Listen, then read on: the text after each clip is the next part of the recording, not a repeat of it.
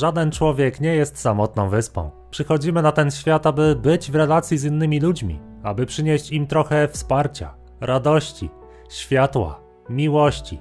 Sami także potrzebujemy tego od innych. Psychologowie, behawioryści, jak i tradycje duchowe pokoleń uczą nas, jak wiele przeróżnych motywacji istnieje w naszej codzienności. Dzisiaj przyjrzymy się naturze naszych relacji, a konkretnie temu, w jaki sposób zaspokajamy naszą potrzebę akceptacji. Jest to złożone, głęboko tkwiące w nas takie atawistyczne dążenie, które zaspokoić możemy na wiele różnych sposobów we współczesnym, przesyconym reklamowym blichtrem świecie. Tempo życia i taka fast foodowość naszych relacji często zabija naszą wrażliwość wobec ludzi, zjada nas wewnętrznie, zamyka kolejne dawno zapomniane pokoje, spłycając to, co jest w nas najgłębsze. Jako ludzie Zachodu często wykazujemy tendencję do poszukiwania akceptacji w neurotyczny sposób, sprowadzając piękno miłości, przyjaźni do czegoś w rodzaju wolnorynkowej umowy. Mieszamy także jakość sukcesu zawodowego z jakością życia relacyjnego. Wydaje nam się często, że finansowy sukces i tak zwana atrakcyjność to klucze do szczęśliwych relacji z innymi. To jakby checkpointy, które pozostawił nam do zaznaczenia system. Czy to, co nazywamy miłością, rzeczywiście nią jest? Czy tradycje duchowe pokoleń nie pokazują nam zupełnie innej drogi realizowania się wśród innych, rozdawania siebie, jak i czerpania od innych? Dlaczego przeżywamy tak wielki kryzys wartości rodzinnych w świecie? Dlaczego tak wiele związków nie potrafi przetrwać próby czasu? To oczywiście trudne pytania i żaden film na YouTube, ani nawet żadna duchowa lektura nie rozwiąże naszych problemów w cudowny sposób. Potrzebna tu jest refleksja, duchowa praca i codzienna praktyka poprawiania naszych relacji, rzeczywistego inwestowania w nie. Na pewno jednak możemy już dzisiaj wykonać pierwszy krok. W tym podcaście wojownik poeta przyjrzy się temu, w jaki sposób realizuje bardzo złożoną przecież potrzebę akceptacji. Może po raz kolejny odkryjemy coś w sobie. Do tej pory nieświadome, automatyczne mechanizmy zostaną obnażone w świetle świadomej refleksji. Zajmiemy się dzisiaj analizą prac dwóch duchowych nauczycieli, którzy w ciekawy i często umyślnie prowokujący do myślenia sposób opowiedzą o potrzebie akceptacji i naturze jej poszukiwania przez nas. A zwłaszcza zwrócą naszą uwagę na niewłaściwe, czyli nietrafione ukierunkowanie tych poszukiwań. Najpierw posłuchamy wykładu Antonego de Mello, w moim przekładzie i trochę też parafrazie, który odczytam moim głosem. Spis oryginalnych anglojęzycznych polecanych źródeł tego autora znajdziecie na planszy końcowej filmu. Antony de Mello był hinduskim jezuitą, psychoterapeutą, mistykiem, kierownikiem duchowym. Przyjaciele nazywali go mistrzem modlitwy. Największy rozgłos zdobył dzięki książkom i konferencjom, w których łączył tradycyjną mistykę europejską ze spuścizną duchową Dalekiego Wschodu, nierzadko wchodząc również w obszary psychologii. Posłuchajmy zapisu jednego z wykładów, które pozostawił po sobie. Społeczeństwo na każdym kroku neurotycznie podsyca naszą potrzebę akceptacji. Karmi się nas w zasadzie od dziecka wielkim kłamstwem. Wiesz zresztą, co siłą własnych uwarunkowań wmawiają nam ludzie. Musisz być kochany, musisz odnieść sukces. Niech cię zachwalają, doceniają. Powinieneś być kimś, kto się liczy, kogo pożądają, kimś, kto budzi ciekawość i imponuje innym. Bzdura, a każdy z nas w to wierzy. Powiem wam, czego potrzebujecie istnieje tylko jedna emocjonalna potrzeba w życiu człowieka, a mówię to z perspektywy wielu lat duchowych rozważań. Tą potrzebą jest kochać. Nic więcej, nic ponad to. Ktoś powie kochać? A czy przypadkiem nie muszę też być kochanym? Chwileczkę, czy mogę wiedzieć, co dokładnie masz na myśli, mówiąc chcę być kochanym? Czy przypadkiem nie mówisz o sytuacji, w której ktoś ciebie pragnie, pożąda, potrzebuje, czy wymagasz tego od ludzi, żeby ciebie pragnęli, żeby czuli się do ciebie przywiązani, żeby cię doceniali i podziwiali? Zastanów się jednak, czy aby na pewno rozumiesz wszystkie konsekwencje, jakie się z tym wiążą. Mowa o oddaniu kontroli, o poddaniu się manipulacji, o całej tej grze wokół odczucia statusu. Przedstawię to jako anegdotę. Tak będzie łatwiej, będzie mniej gadania, a trochę więcej akcji. Chcesz być doceniany, mówisz. Dobrze. Posłuchaj tego, co powiem, bo to rzeczywiście niesamowite i zarazem zabawne, jak bardzo jako ludzie jesteśmy uzależnieni od akceptacji. Zobacz, tutaj mamy pewnego faceta. Nazywa się Tom. Właśnie nadchodzi, zobacz jak go uszczęśliwie, ok? O, cześć Tom, dawno się nie widzieliśmy. Wow, wyglądasz dziś świetnie. Jak ty to robisz, że wydajesz się młodszy o 10 lat? Uuu, Tom jest nagle taki szczęśliwy. Zapomina o całym świecie. Wow, to był świetny wykład, który przygotowałeś. Koniecznie musisz mi udostępnić notatki i opowiedzieć, jak ci się udało to tak dobrze poskładać w całość i do tego ciekawie wygłosić. Uff, nagle wkracza podekscytowanie, duma, status. Ludzi można dosłownie owinąć wokół palca. Tak bardzo są uzależnieni od akceptacji i pochwał. Jesteśmy pod tym względem jak małpy w zoo. Wystarczy powiedzieć nam, że się nas lubi, przekazać nam komplement, pochwalić, a my od razu reagujemy. A. Podekscytowaniem, B. Satysfakcją, C. Miłością. No czy raczej tym, co nazywamy miłością. To małpia miłość, czyli taka na zasadzie ty będziesz dla mnie dobry, to ja będę dla ciebie, ok? Ty mi dajesz akceptację, której potrzebuję, to ja też cię będę lubić. No, przynajmniej do momentu, gdy wywiązujesz się z tej niepisanej społecznej umowy. To ma być za przeproszeniem miłość? Ja to nazywam dobrym interesem. To rozsądna umowa, zgodna z zasadami handlu, zgodna z logiką Wall Street. Lecz nikt nie nazywa tego po imieniu. Mówią, że to miłość. Więc może ja powiem to na głos. Hej, to co nazywasz miłością to umowa biznesowa. Handel wymienny, barter. Dlaczego tyle związków, tyle małżeństw się rozpada? Bo zostały zbudowane na podejściu bądź miły dla mnie, ja będę miły dla ciebie. Jeśli przestaniesz wywiązywać się z tej umowy, to znaczy, że jesteś nielojalny. Zdradziłeś, nie byłeś wierny kontraktowi. Naturalnie więc mam prawo być na ciebie zły i zdenerwowany. I wszyscy mówią: O tak, naturalnie masz do tego prawo. Nazywacie to miłością? To raczej obsługa komputera. Naciskam czerwony przycisk, ten od aprobaty. Uuu, tak się unosi, jest taki szczęśliwy. Został pochwalony. Skrytykuję, nacisnę niebieski przycisk, bu, leży na podłodze. Jest smutny, czuje się zdradzony, jest zdenerwowany. Podobno to ludzkie, być pod tak dużym wpływem akceptacji.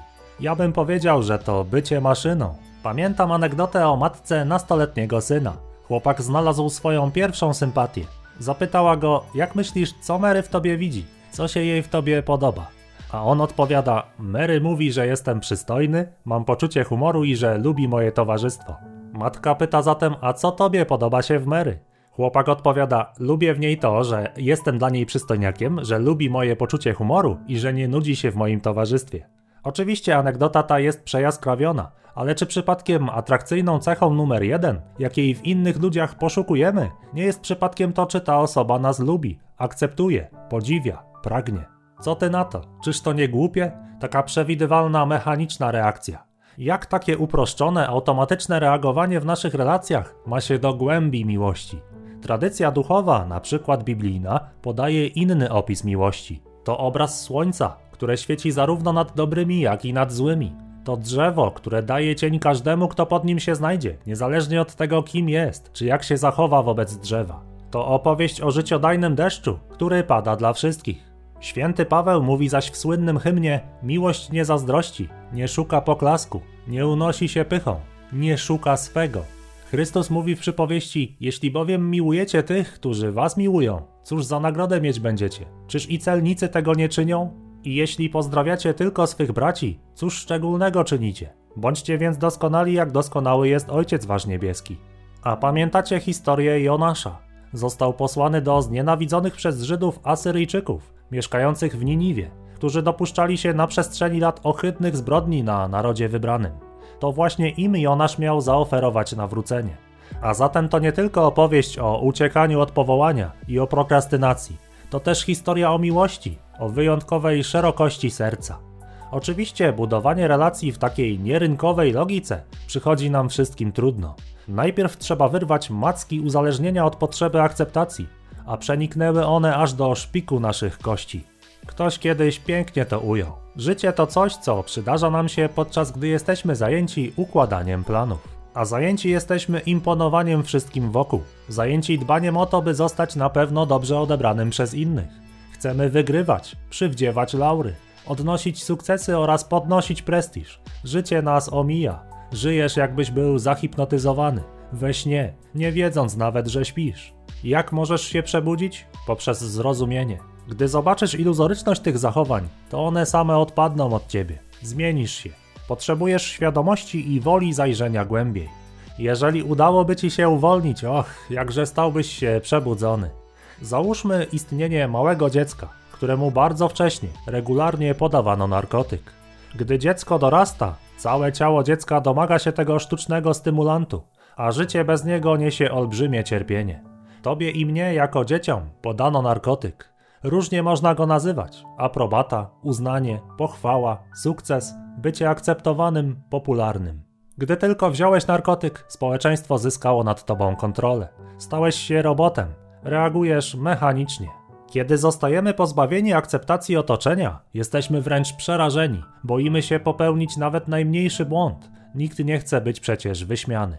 Pamiętam pewną trzyletnią dziewczynkę. Pojawiła się w pokoju jadalnym w swojej piżamce. Wyglądała tak uroczo, że aż przyklasnęliśmy, bijąc jej brawo. Niestety ona pomyślała, że się z niej naśmiewamy i uciekła czym prędzej do swojego pokoju.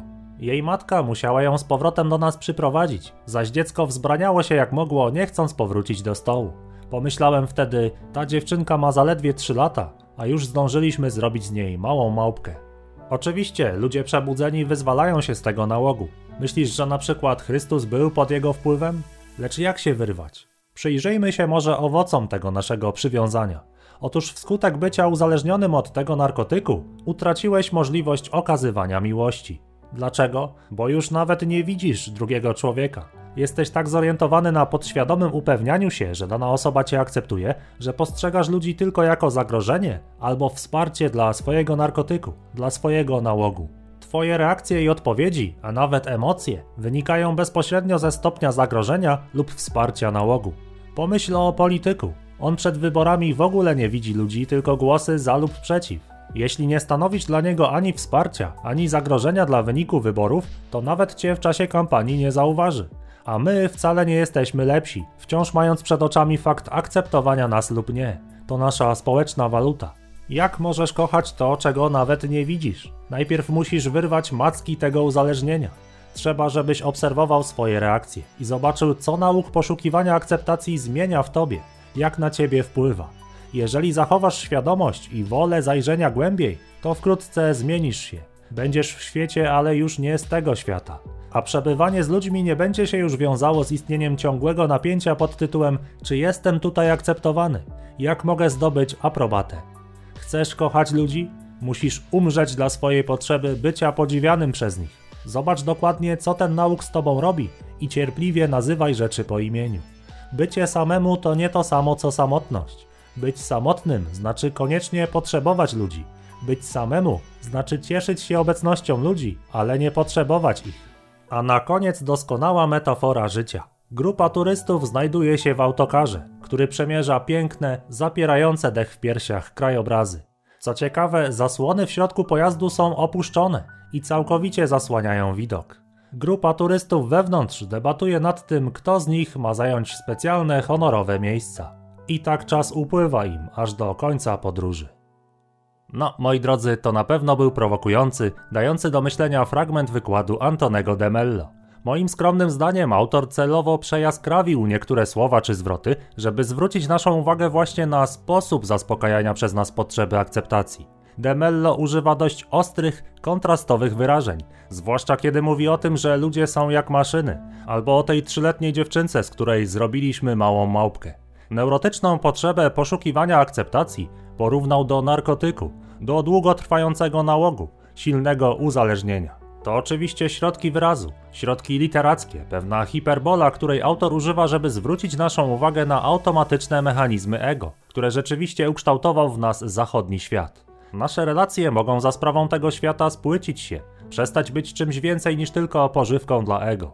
Trzeba niewątpliwie zwrócić na to uwagę i przyjrzeć się, jak to wygląda w naszym własnym życiu. Ten wykład Demello fajnie ukazał jego styl. On zawsze posługuje się wieloma bajkami, opowieściami ze wschodu, przejaskrawionymi anegdotami. Jest on niewątpliwie autorem mocno kontrowersyjnym, a lektura jego dzieł bywa czasem trudna. Dość powiedzieć, że tzw. Tak Kongregacja Nauki Wiary Kościoła Katolickiego wydała nawet specjalną opinię na temat jego książek. Z tym wszystkim polecam się zapoznać i ocenić trzeźwo samodzielnie. Jego najsłynniejsze książki to Przebudzenie oraz Śpiew ptaka. Osobiście powiem, iż rzeczywiście Demello w całokształcie swojej twórczości ma tendencję do zaniedbywania osobowego wymiaru Boga. Traktuje go raczej jako siłę sprawczą, z czym nie mogę się zgodzić jako ktoś, kto wierzy w Chrystusa i stara się budować osobistą relację z Bogiem. No, taką męską relację, czyli po drugiej stronie występuje często cisza, albo co najwyżej lekki poszum wiatru. Tak czy inaczej polecam wam tego autora, bo wskazuje on wiele niuansów i rzeczy do poprawy w codziennym życiu. Dostarcza więc wielu punktów zapalnych do przemyśleń, takich mini historii, które wiele człowiekowi uzmysławiają. Okej, okay, tyle dzisiaj na temat twórczości Antonego de Mello. Teraz posłuchajmy wykładu również Antonego, ale Antonego Paul Mu Junga, nauczyciela duchowego znanego także pod pseudonimem Muji. Urodził się w 1954 roku w Port Antonio w Jamajce. Mieszkaniec Londynu, często podróżujący do Indii, organizujący tzw. Tak satsang, czyli spotkanie z prawdą. Wykłady czy też rozmowy, duchowe dialogi z ludźmi z całego świata. Ten mówca i autor ma zupełnie inny styl niż nasz poprzednik. Muji znany jest ze względnej, słownej prostoty swojego przekazu oraz z radosnego sposobu prowadzenia dialogów. Posłuchajmy zatem kolejnego przekładu, kolejnej parafrazy w moim wykonaniu. Oczywiście tematem rozważań będzie poszukiwanie akceptacji, budowanie relacji, prowadzenie rozmów z ludźmi. Posłuchajmy. Jako ludzie czasami rzeczywiście neurotycznie poszukujemy akceptacji, wzbudzenia ciekawości na nasz temat u innych. Opowiadamy w tym celu przeróżne historie ze swojego życia, myśląc chyba, że któż chciałby mnie słuchać, gdybym nie mówił czegoś ciekawego. Muszę przecież w jakiś sposób przedstawić siebie, włożyć jakąś maskę, nakreślić pewien obraz. A nawet gdybym żadnej interesującej historii na swój temat nie posiadał, to przynajmniej jakąś powinienem stworzyć. Inaczej ludzie powiedzą, nie ma sensu z nim rozmawiać, on nie ma nic ciekawego do opowiedzenia. I wtedy pojawia się strach. Strach, że nie zostaniemy zaakceptowani. Ten strach pochodzi jednak z umysłu, a nie z serca. Osobiście spotkałem w swoim życiu jedynie kilka osób, które prawdziwie zainteresowane były innymi ludźmi. I wcale nie uważam, abyśmy interesowali się innymi koniecznie z powodu historii, które na swój temat wygłaszają. Przyciąga nas raczej światło, które dostrzegamy w nich. Odczuwamy to jako nową przestrzeń w nas samych. Przestrzeń, gdzie zrodziło się nagle współodczuwanie wobec tej osoby, otwartość względem niej, dobroć, wyrozumiałość, życzliwość, duchowa siła, osobista głębia. To są prawdziwie atrakcyjne cechy. Nie to, że dwa czy trzy razy wyskoczyłeś ze spadochronem z samolotu, czy zwiedziłeś wszystkie miasta zachodu. Nie, masz coś jaśniejącego w sobie, przedziwny spokój i radość ducha. Ludzie sami przychodzą do ciebie, chcąc posłuchać twojej opowieści. Jak to jest, że masz to w sobie? Jak to możliwe? I wtedy można odbyć autentyczną rozmowę, bez zakładania masek. Mamy w sobie strach, który pochodzi z umysłu i który mówi: Jeśli przestanę kreować swój rynkowy wizerunek, to tak jakbym stał się nikim. A będąc nikim, nie mogę być atrakcyjnym człowiekiem. To silny opór umysłu. Lecz jeśli go przełamiesz i nie zidentyfikujesz się z noszoną społecznie maską, to całe poczucie tego, kim jesteś, otworzy się. Pojawi się wewnętrzna cisza, radość. Zniknie cały wysiłek a życie stanie się wyrazem spontanicznej, niekreowanej, niestylizowanej egzystencji. Dzieci mają to w sobie. Jako dorośli tracimy tę niewinność w relacjach z innymi ludźmi. Jeśli uda nam się choć częściowo ją odzyskać, to nasza twarz i ciało nie będą już takie same. Przestaniemy nosić ciężar maski i dlatego ludzie będą zainteresowani, a my zapewne nie będziemy potrafili tego dobrze ująć w słowa. Zapytają, co ci się przydarzyło, Rzadko widujemy taką twarz jak twoja, taki spokój bycia tu i teraz. Strach przed brakiem akceptacji to strach umysłu. Ego pozbawione swoich fasad, swoich reprezentacji, historii, zaczyna obawiać się, że odkryta zostanie jego iluzoryczność. Ego czuje się zagrożone. Bardzo częstą reakcją umysłu na obawę przed brakiem akceptacji u innych jest doświadczenie samotności. Ponadto nie staraj się demonstrować swojej duchowości, swojego wnętrza. To twoja natura, twój sekret. Wówczas przekonasz się, że można być w świecie, ale niekoniecznie z tego świata. Będziesz prowadzić zwyczajne rozmowy z ludźmi, lecz coś pojawi się w tych rozmowach, w waszym kontakcie.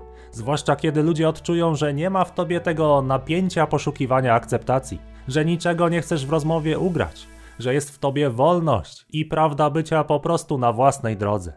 Oczywiście potrzeba akceptacji jest silna. Początkowo, gdy ją porzucamy, pojawi się rozluźnienie i na twarzy, i w ciele. Odpoczywamy, gdy nie poszukujemy tak rozpaczliwie akceptacji i statusu. Cała ta energia, którą wydatkowaliśmy na społeczną grę, zostaje uwolniona.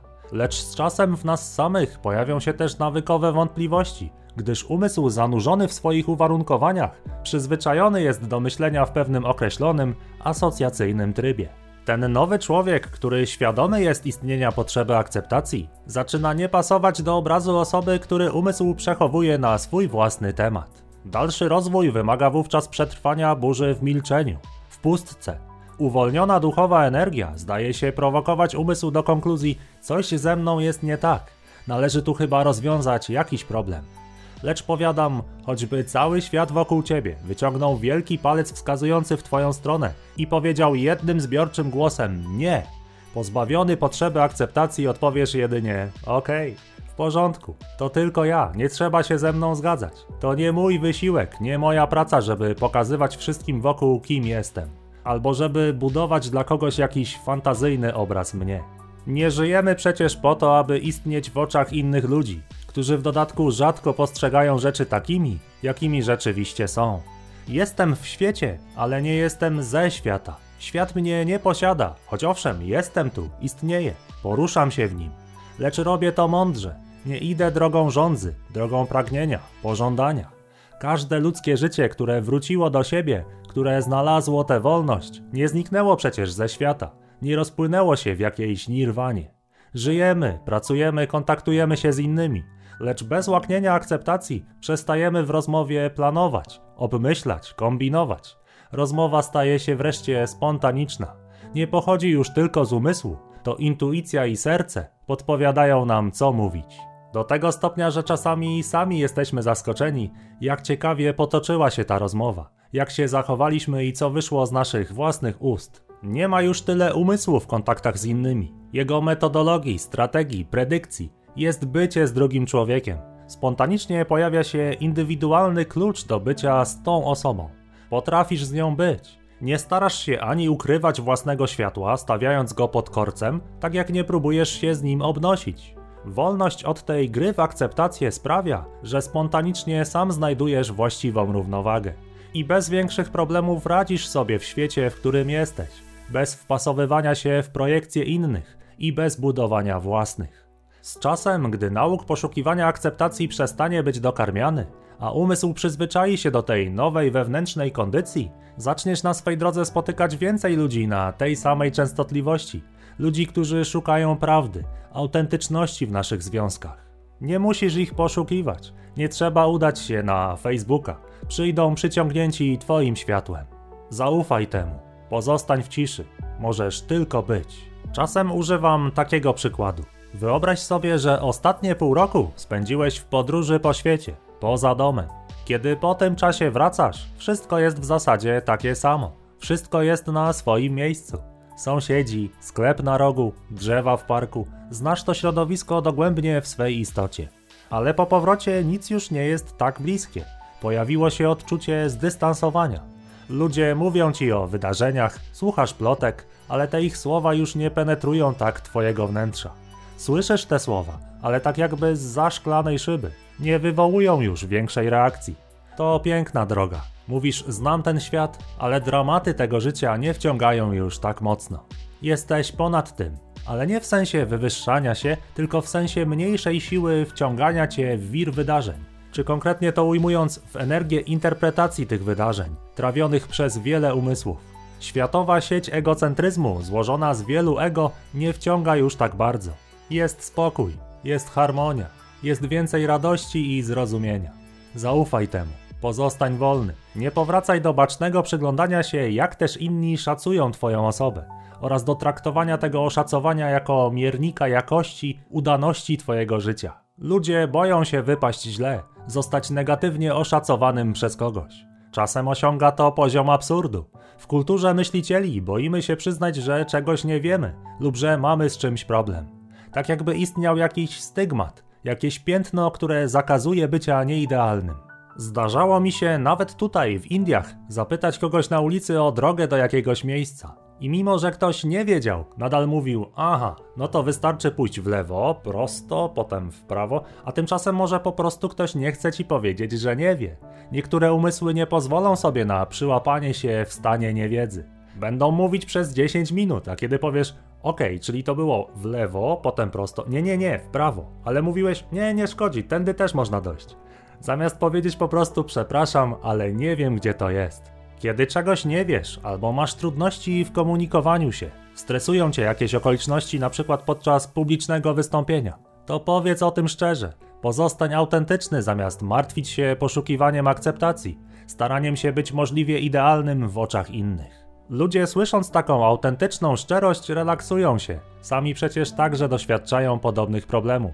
A nawet jeśli ktoś surowo cię oceni, to co z tego? Wkrótce przekonasz się, że najsurowiej oceniają ci, którzy sami uwikłani są w największe kompleksy, którzy panicznie boją się o własny status. Twoja autentyczność przypomina im o całej fasadzie ego, którą ostrożnie zbudowali w głowie.